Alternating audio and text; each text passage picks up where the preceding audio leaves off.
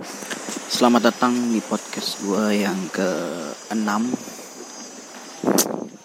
Podcast yang masih bisa gue hitung dengan jari.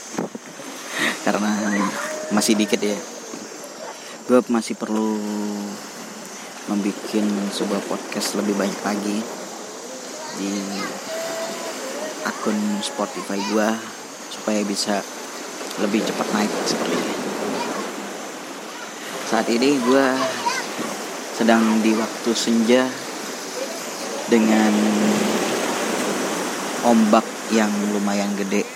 Karena gue sekarang ada di daerah pantai di mana pantai ini paling dekat dari pusat kota Mataram. Pantai yang penang kadang ya di pantai seperti ini dengan suasana senja yang di mana kalau senja itu ya satu kata yang bisa membuat kita menjadi orang yang tiba-tiba puitis filosofi berimajinasi tinggi. Seperti sediman ya ya mungkin cerdas merangkai kata. Nggak tahu ya kenapa ya kata senja, kopi, pagi hari, keindahan alam itu mendadak ngebikin kita itu jadi orang yang super duper pandai merangkai kata. Tapi kalau feeling gue sih, kenapa kita bisa pandai merangkai kata di saat senja, pagi, kopi, dan lain sebagainya itu mungkin karena imajinasi kita mendadak bisa banyak gitu ketika membahas satu kata itu. Yang memang kalau dijabarkan maknanya itu luas. Ya itulah yang gue simpulkan dari kata-kata yang memang saat ini menjadi sebuah kata-kata yang memang bisa dikatakan membuat kita menjadi mendadak orang yang puitis paham dengan segala permasalahan kata-kata tersebut. Aduh.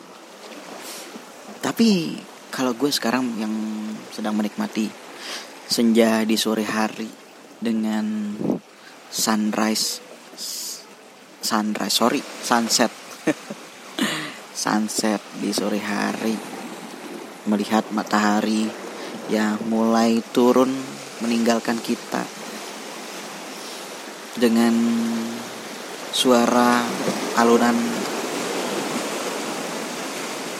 uh, dari masjid-masjid ya. Ada komat ada pujian ada azan. Yang sekarang gue belum melakukan ibadah tersebut. Ya pasti nanti gue lakukan karena kan batas waktunya juga sampai isa. Jadi bisalah gue bikin podcast di sini. Pengennya sih tadi mau berangkat ke sini tuh jam 3 atau jam 4 sore. Cuman bawaan kayaknya males mandi. Ya tau ya kalau mandi terlalu sore banget itu kayak menikmati malam hari itu kayak berasa belum mandi aja jadi ya udahlah gue sempatkan mandi agak-agak lebih sore ke gelap dikit lah. Jadi gue bisa menikmati yang namanya badan gue lebih segar. Sekarang pantai yang benar ini lagi pasang banget. Banyak anak-anak kecil yang seneng banget kelihatnya gue pada asik mandi. Nggak perlu nggak perlu pusing-pusing bawa alat mandi. Mungkin kalau ditinggal di pinggir pantai gini berasa kayak punya kolam pribadi yang gede banget. Yang gak perlu dikuras. Hanya alam yang bisa mengurasnya. Iya. Buat apa punya kolam gede-gede? Kalau rumah jangan jalan. Jarang ditempati atau jarang ditinggali lihat hidup mereka. Pengen cari duit tinggal cari ikan. Pengen mandi tinggal nyemplung. Apa yang kurangnya? Hanya alam yang bisa membantu perekonomiannya. Sedangkan kita yang tinggal di perkotaan sibuk mencari uang ke kantor berdagang. Terus belum lagi diomelin atasan. Coba bayangkan nelayan yang kerjaannya tiap malam bangun dengan suasana ya kalau memang mereka hobi mungkin itu menjadi sebuah kenikmatan. Tanpa harus diomelin bos mereka kerja nggak kerja ya urusan mereka. Dapat nggak dapat duit juga urusan mereka. Mungkin ketika mudahnya mereka mencari uang ketika uang itu sudah dirasa cukup gue yakin mereka bakal mencari aktivitas yang lebih nyantai lagi. Jadi freedom aja kehidupan yang seperti itulah yang gue katakan nikmat mensyukuri memang duitnya bisa jadi banyakkan lu sekarang. Cuman perbedaannya mereka itu merasa hidupnya cukup aja.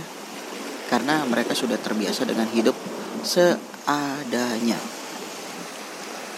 Sedangkan kita yang hidup di perkotaan terlalu berambisi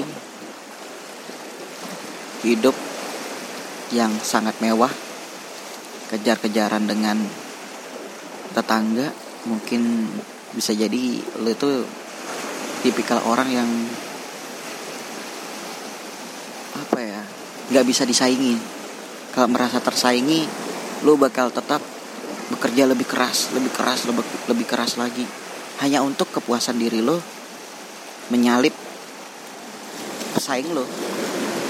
Sedangkan mereka yang hidup dekat dengan alam tidak ada tuh mungkin dalam hati mereka persaingan. Mungkin hanya ada persaingan dagang. Itu pun menurut gua kalau persaingan dagang bisa dikatakan seni gimana lu bisa menikmati itu sedangkan kalau lu sekarang nih mungkin yang kerja lagi kerja atau habis pulang kerja dengerin podcast gua di mana pakaian lu udah mulai kusut semua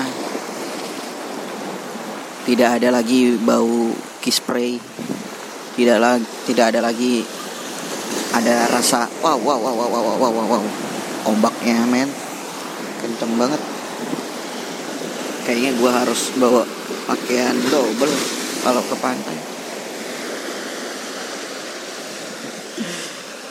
Aduh. Gue sekarang nih ada di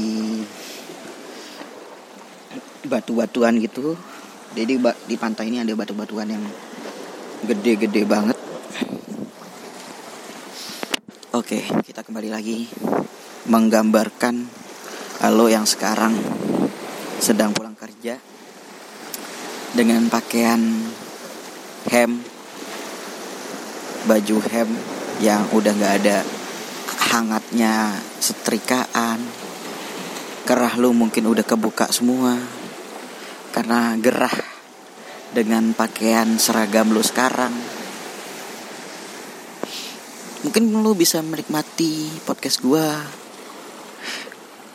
dengan rasa kelelahan itu ya. Pulangnya malam terus. Seperti jam-jam gue bikin podcast ini. Sore mungkin bisa jadi lo masih kerja aja. Belum lagi ntar kalau udah kena macet. Ya kan? Ya seperti itulah kehidupan di perkotaan. Yang gue juga merasakan itu. Walaupun pekerjaan gue sebenarnya freelance aja sebagai penyiar radio, terkadang ada juga yang namanya diomelin bos diberikan hukuman oleh bos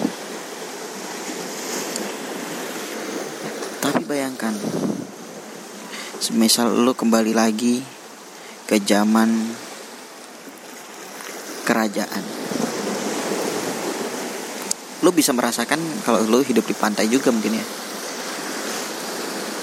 Yang di mana orang hanya berdagang nelayan berkebun menanam tanaman.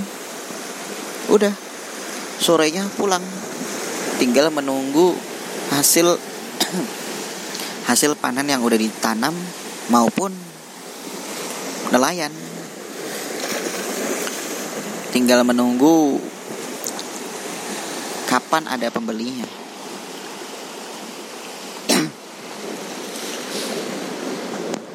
Ini kita ini kita ini sudah terlalu sibuk merasakan tekanan dunia kita lupa. Kalau di dunia ini ada tanah ada laut ada udara.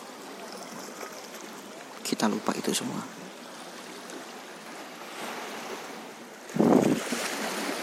Coba lu sekali-sekali deh.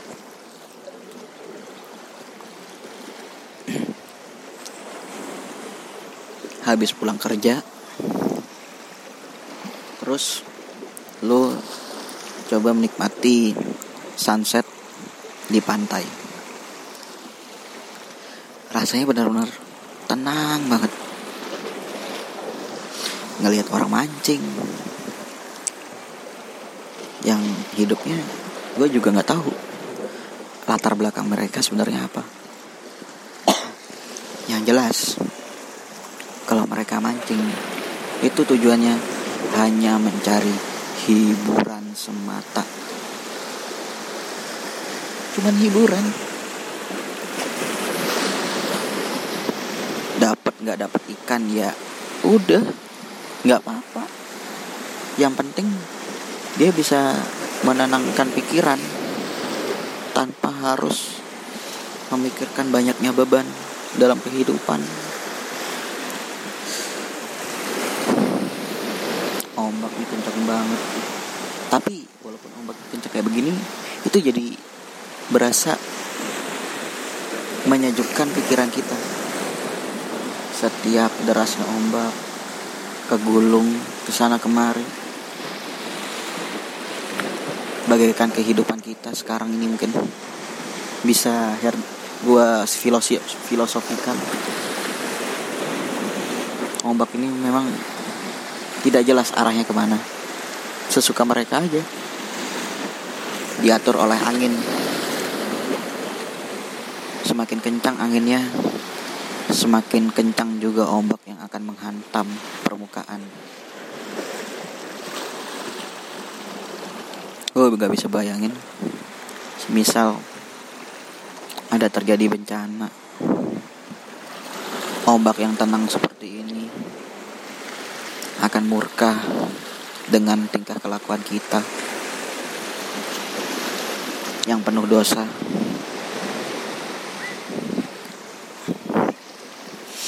Yang sibuk dengan sebuah perkataan-perkataan kotor marah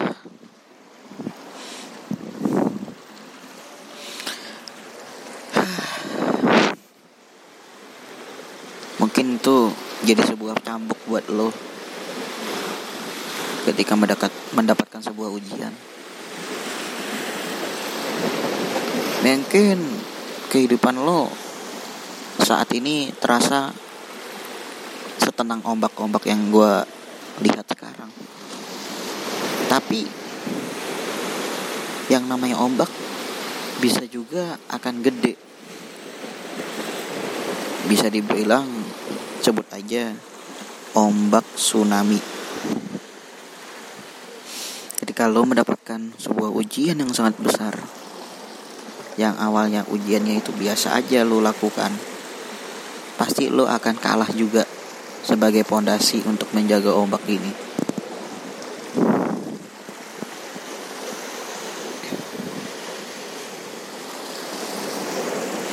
Memang terasa ya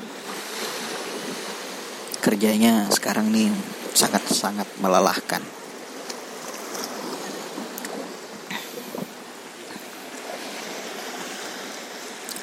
Mungkin gua sarankan sih lu jangan terlalu sibuk men. Kayak lu perlu yang namanya obat obat menenangkan diri kayak gue sekarang.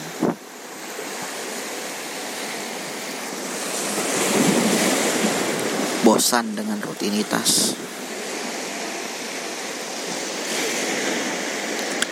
Segala apa yang gue dapat memang bisa gue raih. Tapi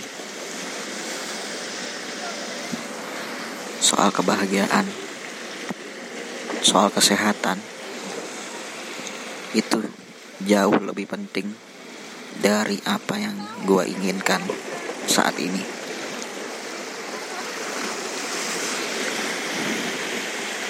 pada dasarnya lu hidup itu seandainya lu tidak berpikir kaya lu itu cukup makan dan minum terus berterima kasih kepada Tuhan Yang Maha Esa. Pada dasarnya seperti itu simpelnya hidup. Tetapi lo kan lebih mendominasi ego lu sekarang.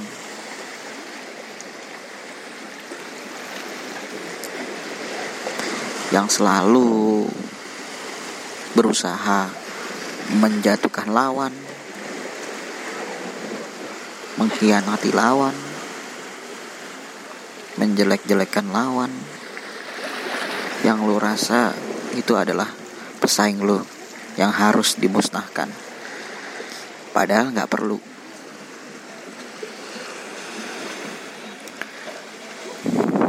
Padahal lu itu perlu perlu yang namanya sebuah kawan pertemanan yang pada dasarnya lu kalau udah mati tidak lagi membutuhkan kekayaan. Tetapi sebuah doa dari orang-orang terdekat lu yang pernah lu kenal sekarang.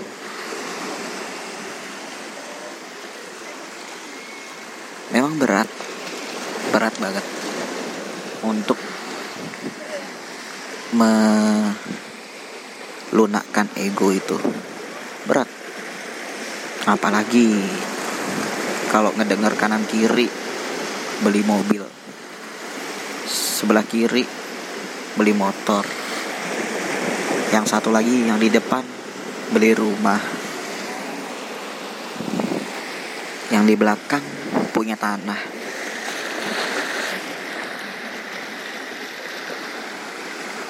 Padahal kalau dipikir itu semua hanya ego belaka. Tanpa harus lo kejar, lo masih bisa tetap hidup. Tanpa harus berhutang, lo masih bisa menikmati indahnya dunia ini.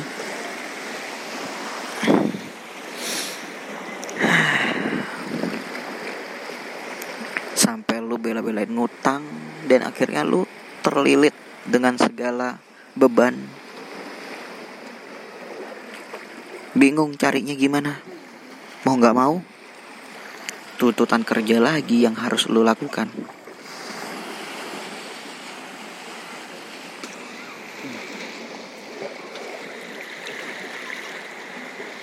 Gue pengen ya Semisal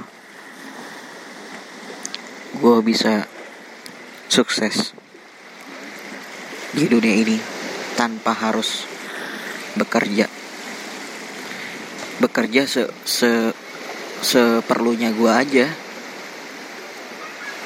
Gue pengen banget menikmati keindahan alam dunia ini dari sudut ke sudut. Sayang banget men. Kalau misalkan lu di hari tua di mana lu punya uang segalanya ada tapi tenaga lu terkuras semua karena bertambahnya usia lu sekarang. Mungkin sekarang lu bisa ke sana kemari dari titik satu ke titik yang lain untuk mencari uang. Tapi lo gak akan bisa mendapatkan itu semua ketika usia lo sekarang ini semakin bertambah dengan rambut sekarang mungkin udah berubah. Yang awalnya hitam sekarang pada putih semua.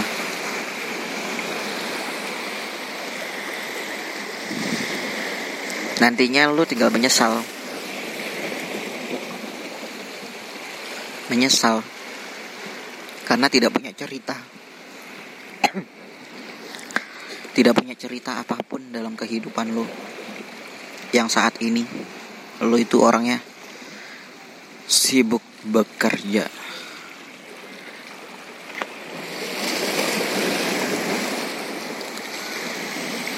Padahal lo butuh yang namanya liburan di akhir usia-usia lo sekarang.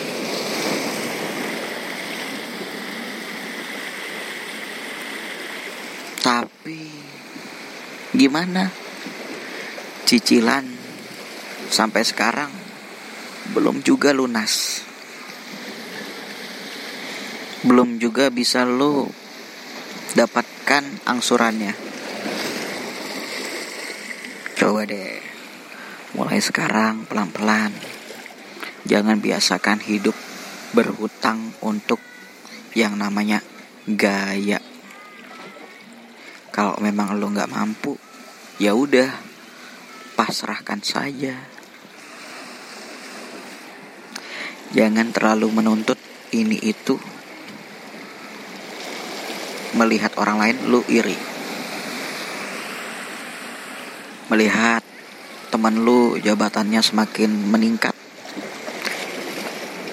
Lu berusaha keras untuk sejajar. Atau di atasnya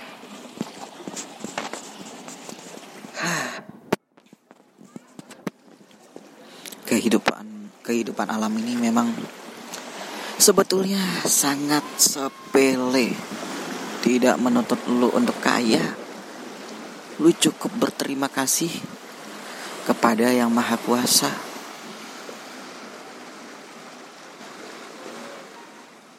Aduh.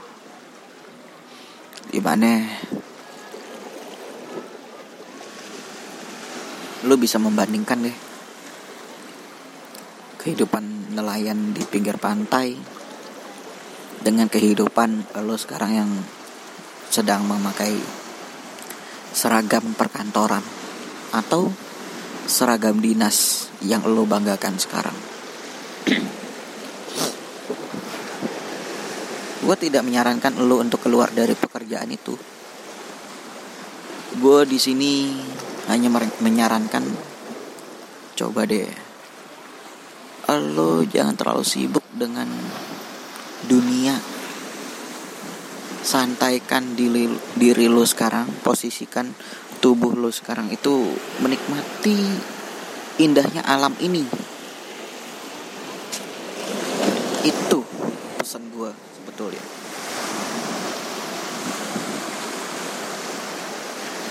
Buat apa sih lo? Kerja dengan harus keadaan pola pikir yang tidak sehat. Nggak perlu. Ujungnya bakal kena karma juga ke lu nya nanti. Misal lu berhasil jatuhin lawan lu sekarang apakah ke depan lima tahun lagi 10 tahun ke depan lu bisa akan tetap bertahan seperti ini tiba-tiba lu punya atasan baru yang berbeda karakter berbeda sifat yang di mana sebelumnya lu itu adalah sosok karyawan yang dibanggakan bos lu sebelumnya. Apa bisa lu menjatuhkan lawan lu lagi? Yang ada. Mungkin lu sekarang bakal dipojokin sama bos lu karena tingkah lu yang terlalu mendominasi. Karena memang karakter atasan itu tidak bisa ditebak. Sulit ditebak. Kadang lo sama atasan si A lo itu orangnya sangat diagungkan sangat dimanja. Atasan lu udah sayang banget lah sama lu. Tiba-tiba atasan lu sekarang pindah ke luar negeri. Terus sekarang nih atasan lu berbeda dengan karakter yang sebelumnya. Lebih tegas, tidak mau menerima masukan, orang yang cuek, segala sifatnya dan karakternya sangat tidak pernah cocok dengan tingkah lu. Bagaimana? Malah lu yang jatuh sendiri. Ya kan?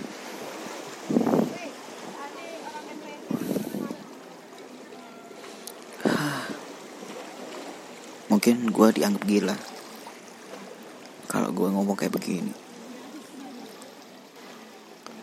padahal mereka tidak mengerti apa maksud gue memberikan sebuah pesan seperti ini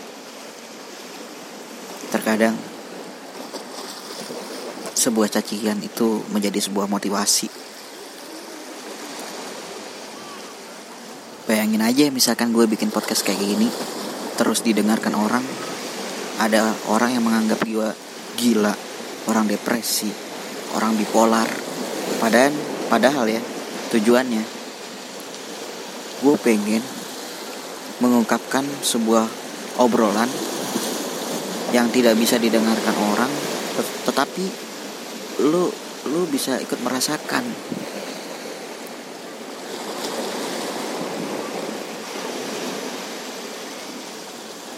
Itulah ngobrolan yang gue dengar di belakang gue yang gue sempat sedikit menguping. Tadi ada yang nyebut eh ada yang depresi di sini. Sering banget sebenarnya gue tiap bikin podcast itu banyak orang yang mandang seperti itu. Tapi mereka itu kadang nggak ngerti. Maksud gue bikin ini tuh nggak nggak paham. Karena mereka belum mengenal podcast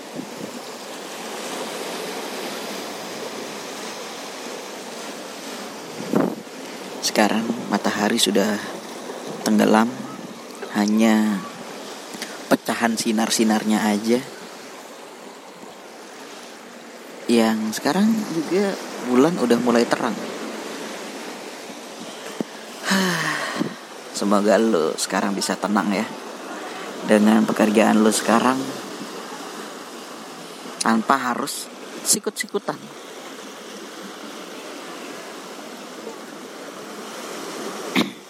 Setiap pekerjaan pasti ada resiko yang lo bisa hadapi. Setiap pekerjaan pasti ada kenikmatan yang lo bisa rasakan. Tapi porsinya porsinya itu jangan sampai berlebihan porsinya jangan sampai berlebihan itu aja ketika lo sekarang butuh uang ya udah lo kerja aja semampu lo ketika udah uang itu cukup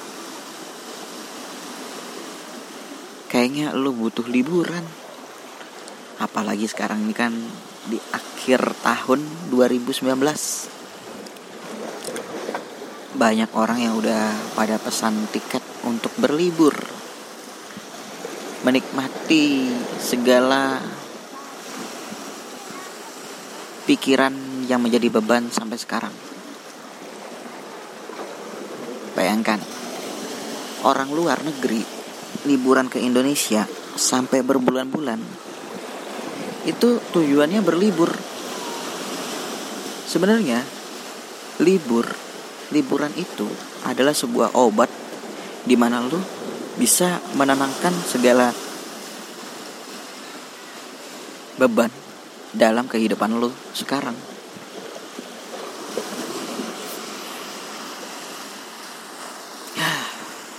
Tapi sayang sekali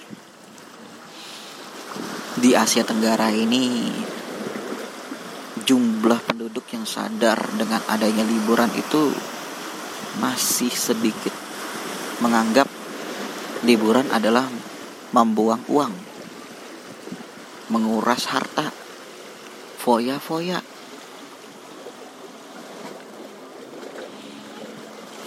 Padahal kalau lo pintar mengatur uang untuk berlibur dengan hemat, sebetulnya itu bisa.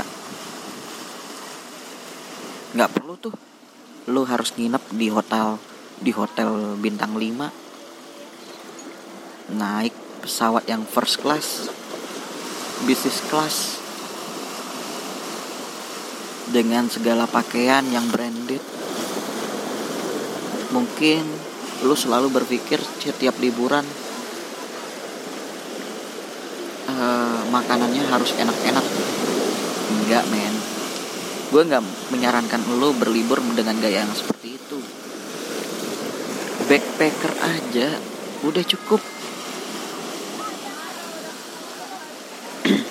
Naik kapal bareng temen-temen. Bawa gitar nyanyi lagu bareng-bareng sepanjang perjalanan bawa tenda yang bisa menjadi tempat tinggal lo selama berlibur. Bawa mie instan yang bisa menjadi makanan lo di saat lo lapar selama liburan. Kesedar kesederhanaan berlibur yang seperti itu yang gue sarankan.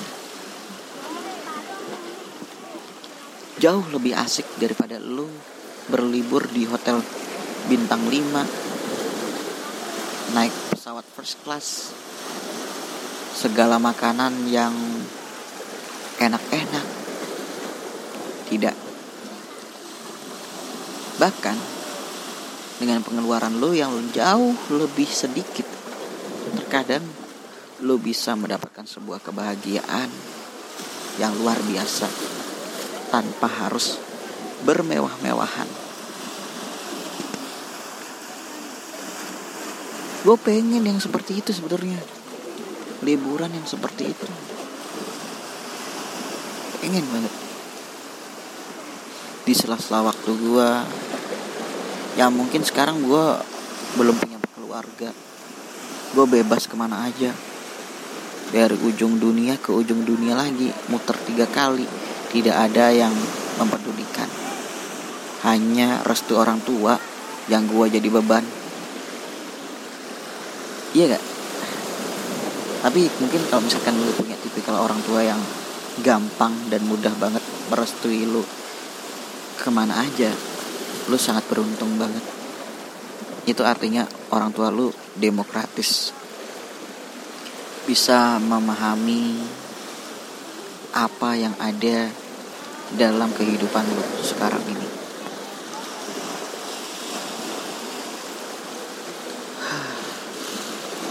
gue coba lihat udah berapa lama durasi gue berbicara Oke, okay, baru setengah jam. Di podcast ini sedikit berbeda ya. Gue ngebahasnya ketenangan, rasa syukur, seadanya, dengan backsound ada suara ombak yang cukup kencang. Eh, nggak terlalu kencang sih, mungkin karena gue terlalu di tengah aja nih. Karena memang sekarang lagi pasang. Jadi tadi sempat kecipratan ombak dari air asin pantai di sini banyak kepiting. Gua nggak tahu nih kepiting bisa dimakan apa enggak kita coba lihat. Wow aja udah pada tidur jam segini gak ada yang keluar. Bahagia banget hidup mereka. Walaupun mereka itu hewan yang kita bisa makan kapan aja. Tapi hewan aja ngerti kapan waktunya bekerja untuk mencari makan kapan mereka harus istirahat. Tuh manajemen waktu aja tuh bisa kita pelajari dari tingkah kehidupan hewan-hewan yang ada sekarang ini. Masa lu enggak ya enggak sih?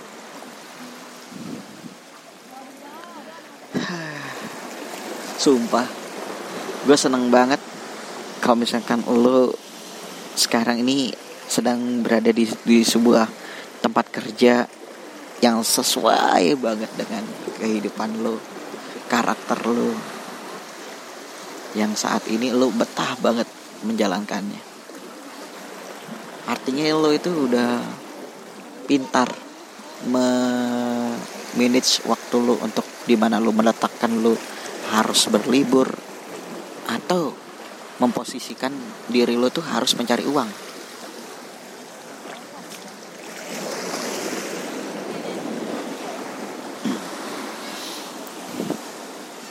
kadang anaconda untuk bekerja mencari makan aja sekiranya sudah lebih dari cukup.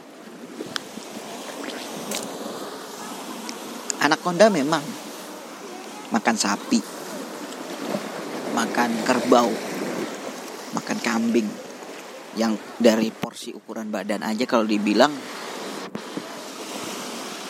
mungkin jauh berbeda dari ukuran apa yang dia makan. Tetapi anaconda bisa tahu kalau dia udah makan sapi, ya udah selama sebulan dia nggak akan makan lagi. Berpuasa, berpuasa dengan segala nafsunya. Yang bisa dikata memang jelek sih cara makannya anaconda langsung aja melahap sapi hidup-hidup. Tapi sifat yang penting lo contoh adalah ketika anaconda sudah merasakan cukup untuk mencari makan. Nah, lu masa belum merasa cukup juga? Yang sekarang mungkin di ATM lu duitnya saldonya bisa puluhan juta ratusan juta miliaran bahkan triliunan.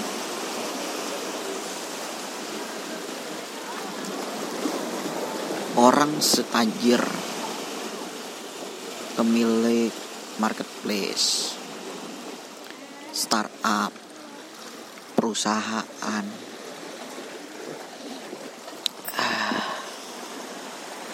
Mungkin dengan adanya beban segala permasalahan perusahaan yang ia hadapi sekarang menuntutnya akhirnya tidak bisa merasakan waktu untuk mengistirahatkan tubuhnya. Mungkin itu yang sampai sekarang orang kenapa sulit banget merebahkan tubuhnya.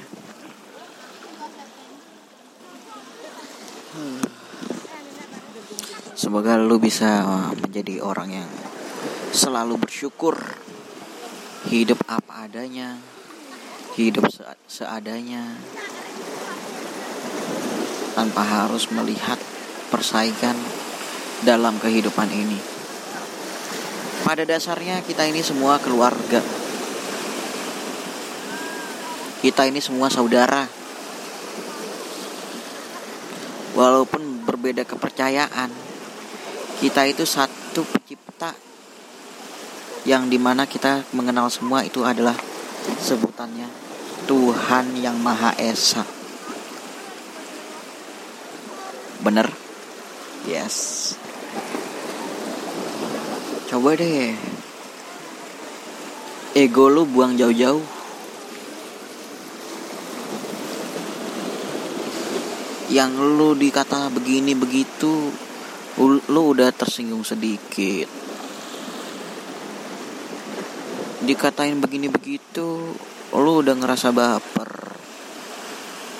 Aduh sifat temperamen lu kayaknya harus dikurangin. Emosion emosional lu harus teratur sepertinya. Atau lu butuh yang namanya dokter jiwa. Dokter jiwa yang gue bisa sebutkan bisa jadi ustadz guru atau memang dokter yang di bidang kejiwaan psikologi. Mungkin lu butuh itu untuk meredakan segala emosional lu yang sekarang sulit banget terkontrol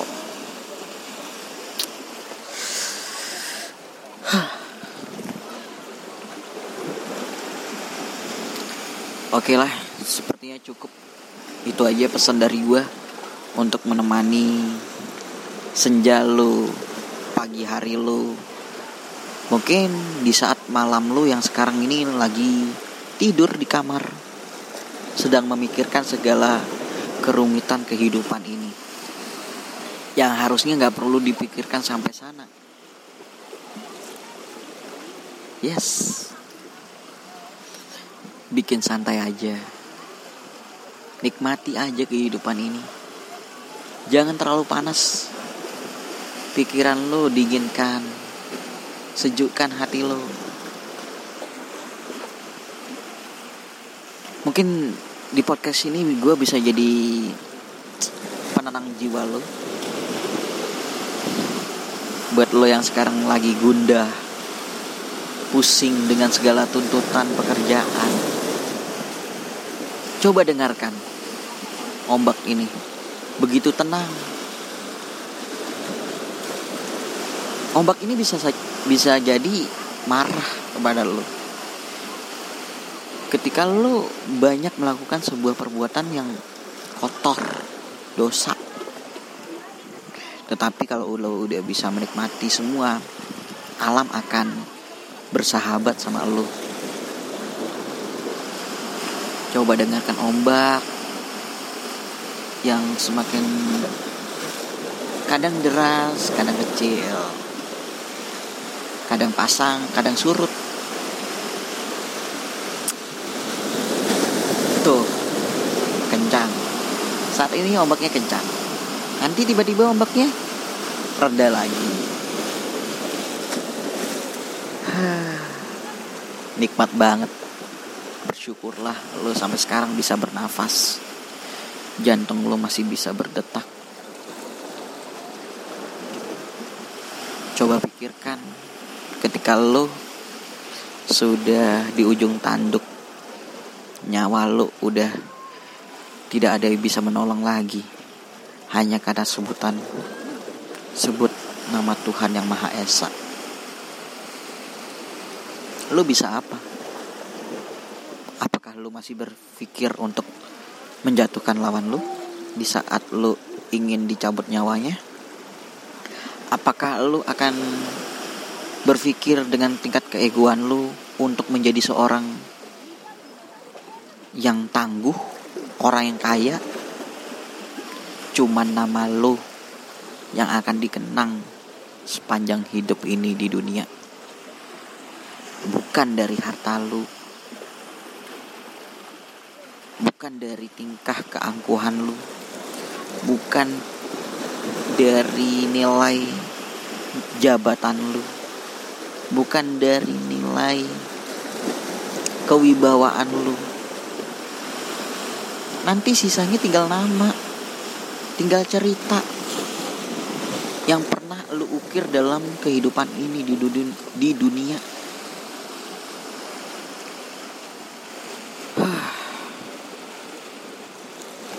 Gue berharap lo setelah mendengarkan podcast ini bisa meresapi, bisa memaknai kehidupan yang sebenarnya. Yang saat ini mungkin lu salah cara menjalankannya. Bukan berarti gue so pinter ya. Gue juga mengalami hal itu. Kita sama-sama mengalami di fase-fase menenangkan jiwa dan pikiran. Bukan berarti gue ngomong begini adalah orang yang tidak punya masalah indah banget semisal ada kehidupan yang seperti itu tanpa masalah. Selama kita lahir aja nih yang namanya ujian itu sudah ada. Bahkan kita di dalam janin udah ada yang namanya problematika kita. Mungkin dari nutrisi lu yang kurang selama di kandungan karena orang tua lu sulit mendapatkan sebuah kotak susu yang di mana nantinya susu itu akan dicerna untuk lo. Biasanya orang seorang ibu harus meminum susu di fase kehamilannya. Terus belum lagi saat lo lahir. Lo harus memerlukan asi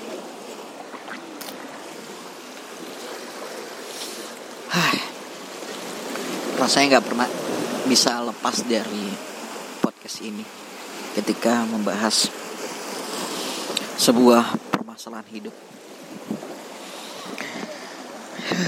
Gue juga pengen banget bisa ada motivasi dari lo. Motivasi yang paling berpengaruh dari lo ketika gue berbicara seperti ini membuat podcast ini adalah ketika lo bisa mendengarkan podcast ini di Spotify yang bisa gue lihat diagramnya untuk pendengar gue di Anchor Anchor.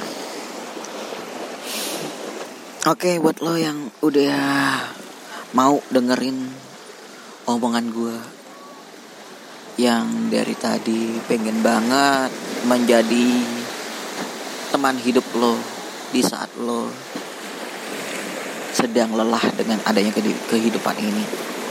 Bukan gue bukanlah seorang motivasi handal. Bukanlah seorang motivator yang hebat. Gue adalah teman. Teman di mana lo bisa mendengarkan curahan hati gue teman yang bisa mendengarkan segala permasalahan lo yang lebih dekat lagi lebih terasa kita itu sangat. Mungkin lo sekarang berasa kayak gue ini ada di samping lo. Padahal gue juga belum memahami sepenuhnya tentang masalah hidup lo. Yes lu cukup motivasi gue dengan cara mendengarkan podcast ini di Spotify. Lu tinggal ikutin dan klik. Gue senang banget kalau misalkan jumlah angka semakin bertambah ketika pendengar gue di Spotify ini. Thank you banget buat lo yang udah mau dengerin segala omongan gue entah itu lo menganggap ini sebuah masukan entah ini lo menganggap ini sebuah candaan atau lo sekarang menganggap gue adalah teman. Thank you banget. Thank you banget buat lo yang sudah menganggap gue apa pun itu. Terima kasih banget buat lo semua. Gue Herda Mahesa cabut dari podcast ini. Semoga lo bisa menikmati podcast gue sebelum-sebelumnya. Dan jangan lupa ikutin podcast gue di Herda Mahesa Dan selamat menikmati podcast gue selanjutnya. Gue Maherda Mahesa Wassalamualaikum warahmatullahi wabarakatuh. Bye-bye